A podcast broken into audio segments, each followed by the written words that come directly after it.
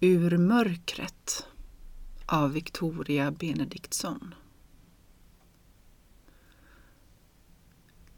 I rummet härskade skymning. Från stadens huvudgator göd livets oro och la sig som ett ackompanjemang under den dödstunga tystnaden där inne. Genom gallret i den höga järnugnen lyste kolelden fram utan att göra någonting ljust, endast kastande ett sammanträngt sken över nedre delen av ett blont mansansikte som mot det omgivande mörkret syntes liksom upplyst inifrån, format av en glödande genomskinligt röd metall. Mannen satt framåtlutad på sin stol med händerna sammanknäppta mellan sina knän och blicken stirrande i elden. Konturerna av hans figur försvann nästan i dunklet. I det av draperier skyddade hörnet vid sidan av ugnen var mörkret tätare än eljest och ingenting kunde skymtas därur. Allt hade försvunnit i slagskuggans gapande svalg. Men fram ur svalget sträckte sig något som, där en aning om belysning föll på, antydde sig vara en schäslong. Och en känslig människas nerver skulle från det hårlögda mörkret över huvudgärden ha rönt förnimmelsen av en skarp blick samt av en lurande onaturligt uppdriven hörsel. Det finns en sjuk punkt i min hjärna, sa en stämma ur mörkret, talande långsamt med sorgmodig entonighet och en altrösts timbre. Den uppstod redan då jag var barn och det är den som vuxit. Allt som sårat och tyngt mig har med sin spets vilat på denna enda punkt. Nu är benhöljet mjukt och motståndet brutet. Mannen rörde sig inte, men hans djupt liggande kloka ögon blickade medlidsamt in i mörkret varifrån rösten kom. Det är som om jag levat i hundra år, fortsatte denna. Och nu är jag bara det tomma skalet kring det som levat, ihålig som ett gammalt pilträd. Jag tycker att jag sett generationer komma och gå. Jag har sett människor födas och försvinna. Jag har knutits i förhållanden vilka varit fulla av sav som unga vårskott men de har alla fallit till intet som frusna blomrevor i en senhöstnatt. Vår och vinter har det kommit efter vartannat och människor ser på mig och säger att jag inte är så gammal som de äldsta. Men jag vet att jag levat som i hundra år och ändå blev jag aldrig, aldrig vad jag ville. Som en död massa fyllde tystnaden åter rummet och livets buller bröt sig fåfängt däremot, sjönk så tillbaka och blev till ett dämpat ackompanjemang. Min far hatade inte kvinnorna, kom det åter med den monotona rösten utan klang. Det var värre ändå. Han föraktade dem. Min mor hade rymt utomlands med en tenor och sen gått in vid teatern. Jag växte upp hos min far. Jag hade nyss lämnat amman då vi blev ensamma, han och jag. Så länge jag var liten hade jag för honom inget kön. Jag var inte stort mer än en hundvalp. Men jag var ben av hans ben och kött av hans kött, det vill säga hans egendom och han behövde något varmt och mjukt som kunde trycka sig uppåt honom. Han behövde en levande varelse omkring sig som kunde jaga bort ensamheten. Han var rädd för ensamheten, min far. Ty då han var ensam kom det över honom svarta griller om en bösspipa in i munnen eller ett rep kring halsen. Svarta griller som på en gång lockade torkar och pressar ångestsvetten fram. Ingenting värmer så mjukt som en barnakropp. Ingenting lugnar som knubbiga små armar och inget ger så drömlös vila som ett barns andedräkt. Därför blev Nina sin pappas sällskap. Därför sov han med armarna kring hennes lilla person. Därför intog han sina måltider med henne presiderande vid bordet som en allvarsam kvinna. Därför red han kring sina egendomar med henne sittande över hästens bog. Och därför avgudade Nina sin pappa. Hon var liten då, i stubbig kolt, varken gosse eller flicka, bara en rultig unge. Men Nina växte. Och hon fick smal hals och långa armar. Hon fick en mun som fällde tänder. Hon fick ett par frågande, undrande ögon. Och så såg hennes far att hon var en flicka. Rösten gjorde en paus och mannen böjde sig fram för att röra i kolelden så att glödskenet friskades upp. Åh, jag var så liten när det gick upp för mig vad han hade emot mig. Jag var så liten att jag inte begriper hur det var möjligt att förstå det. Lekkamrater hade jag inga. Min sköterska var gammal och gnatig. Allt vad jag ägde av tillgivenhet samlade sig kring min far. Barn har en instinkt som lär dem att läsa i de storas själ och som nästan aldrig kommer dem att läsa fel. Och barns sorger är lika verkliga som de vuxnas, djupa nog att sätta märke för hela livet. Jag var lik min far. Rask och hurtig som han, tungsint och blödig som han. Lätt att fladdra upp i överretad munterhet, snar att sjunka ner i modlös förtvivlan. Vad under att han höll av mig då.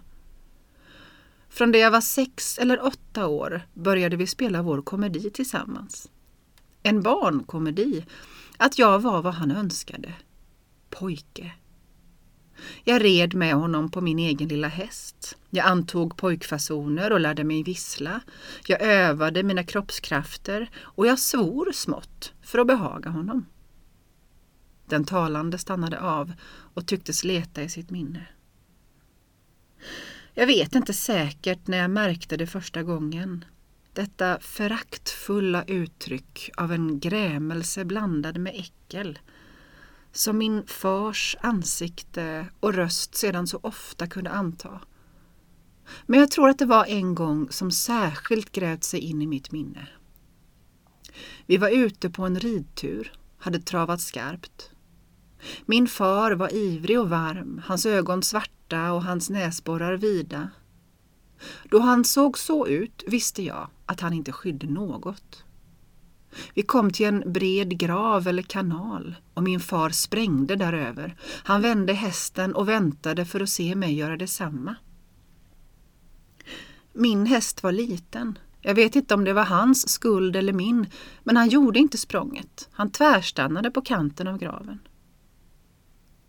Då lät min far sin häst göra en svängning. Jag kan se den svängningen än idag och med en enda sats flög djuret över kanalen med ett hopp så kraftigt och vigt som en vinthunds.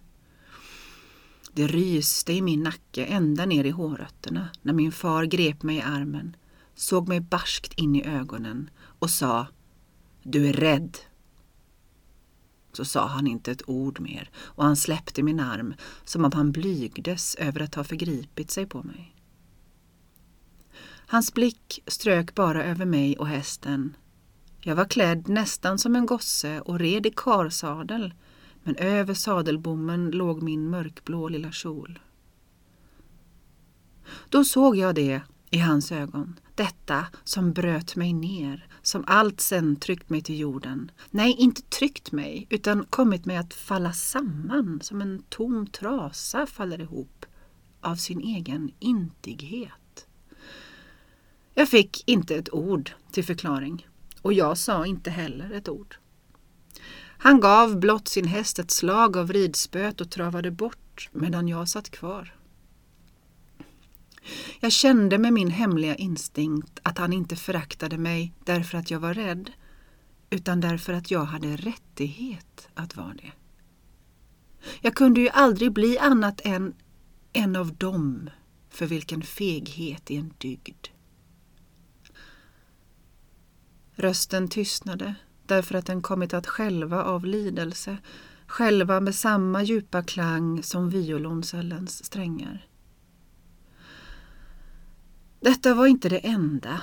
Det var blott det som gav första stöten åt den punkt som sen skulle komma att ömma för varje vidrörande. På gården fanns det en vallgosse, en rask, vacker pojke, ungefär i min egen ålder. Det hade från det jag var mycket liten varit min fars nöje att låta mig pröva armstyrka med denne pojke. Det hade varit min glädje att uppbjuda mina yttersta krafter och jag bröstade mig inte så lite över att nästan alltid bli segrare. Men en dag gick det upp för mig. Jag släppte mitt tag och blev blodröd som om man slagit mig.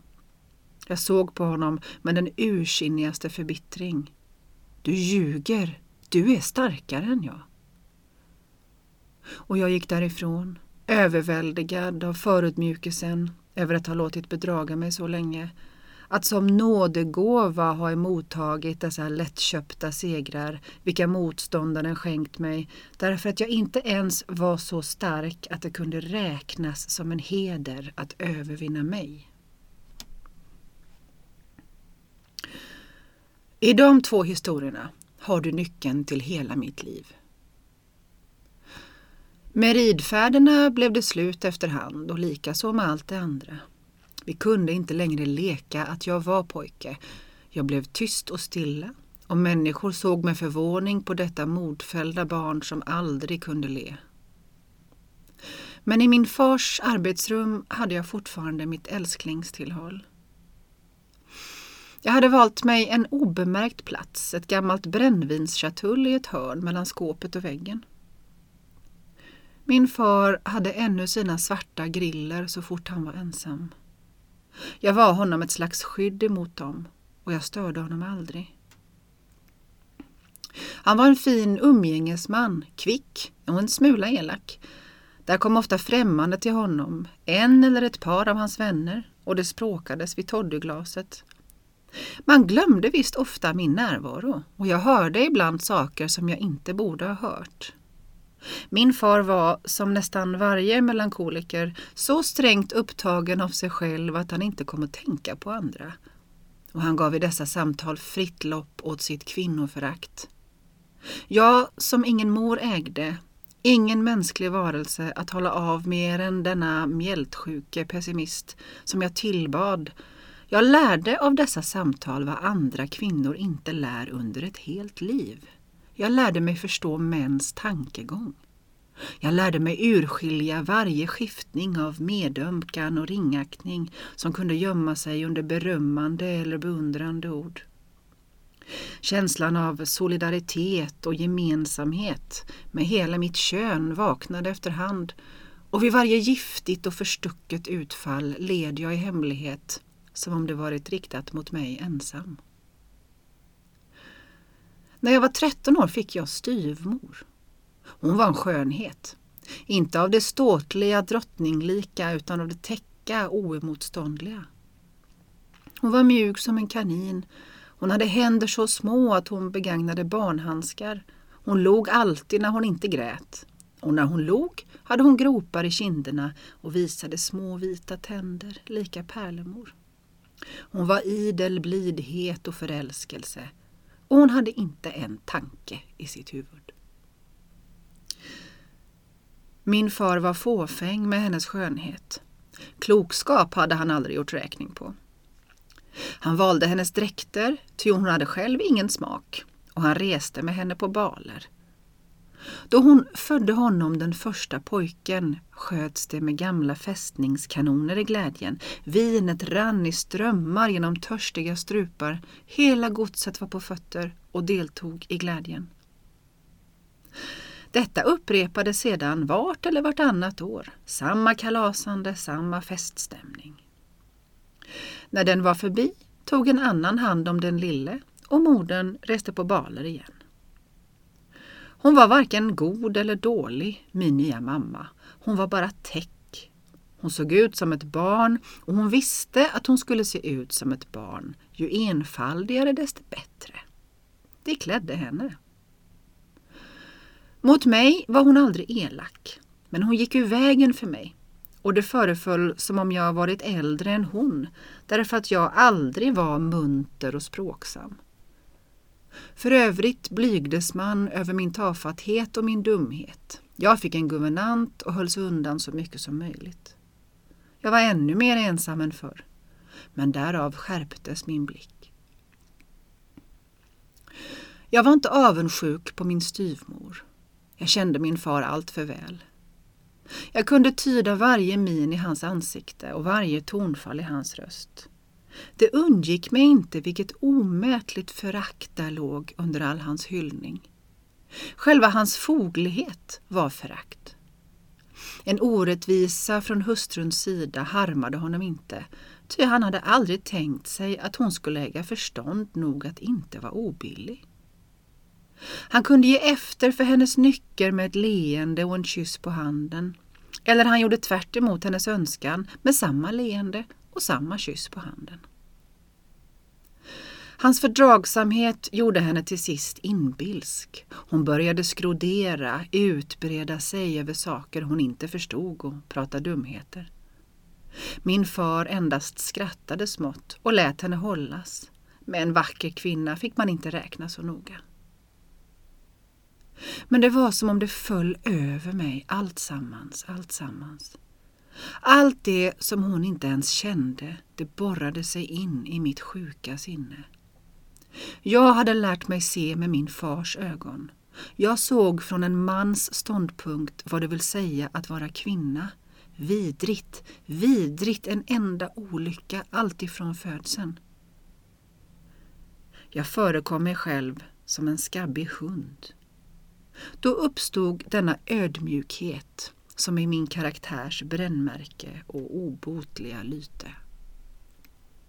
Och den fläcken i min hjärna, hur den blev öm och mjuk så att varje udd kunde tränga in.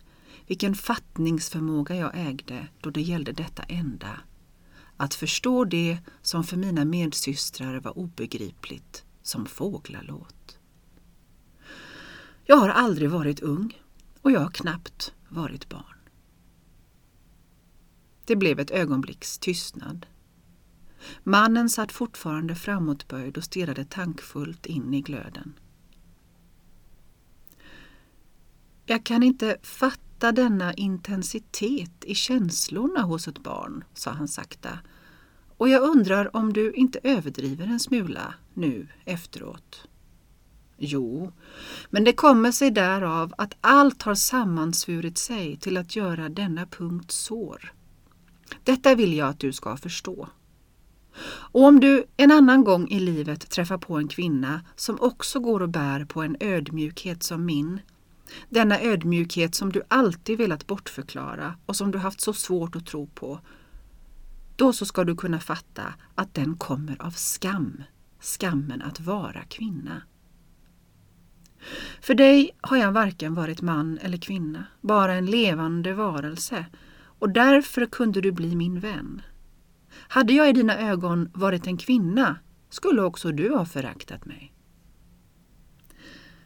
Han flyttade sin stol ut ur glödstrimman, närmare hän emot schäslongen och ur mörkret hämtade han upp en fin, sjukligt mager hand som han sakta tryckte sina läppar emot utan ett ord. Hon förstod meningen och hon tackade honom med en liten strykning ovanpå hans hand innan hon drog sin egen tillbaka. Så fortsatte hon åter att berätta med sin sorgmodiga brustna röst. Jag kom ut i världen och jag såg på kvinnorna just så som min far hade lärt mig. Min syn hade en onaturligt uppdriven skärpa. Inte ett fel eller lyte undgick mig. Det fega, det falska, det småsinta, alla små lumpna egenskaper fann jag hos kvinnorna i så mycket högre grad än hos männen. Jag var inte blind för männens fel, men i själva felen låg det som oftast gav något av karaktär. Det var inte det utvattnade, blodlösa intet som hos kvinnorna. Hos männen gällde duglighet, arbetsförmåga, företagsamhet, sanningskärlek, hederlighet. För kvinnorna var allt detta ingenting jämfört med detta enda, att aldrig synda mot konvenansen. Blev en man mindre hederlig för det han hade en eller annan liten erotisk synd på sitt samvete? Nej, men för en kvinna var detta allt. Och skulden ligger inte hos männen, som man har sagt, utan hos kvinnorna själva, i deras feghet, deras brist på karaktär. För kvinnorna själva är den yttre ärbarheten, skenet, allt. Deras dygd sitter inte i karaktären, den sitter utanpå som märket på ett husdjur. Därför denna solidaritet med hela könet som kastar ansvaret för en kvinnas handlingar över på alla. Hon betraktas inte som individ, hon är bara en del av sitt kön. Hur har jag inte erfarit det? Jag som kände det som om alla de andras skulder vilade på mig ensam.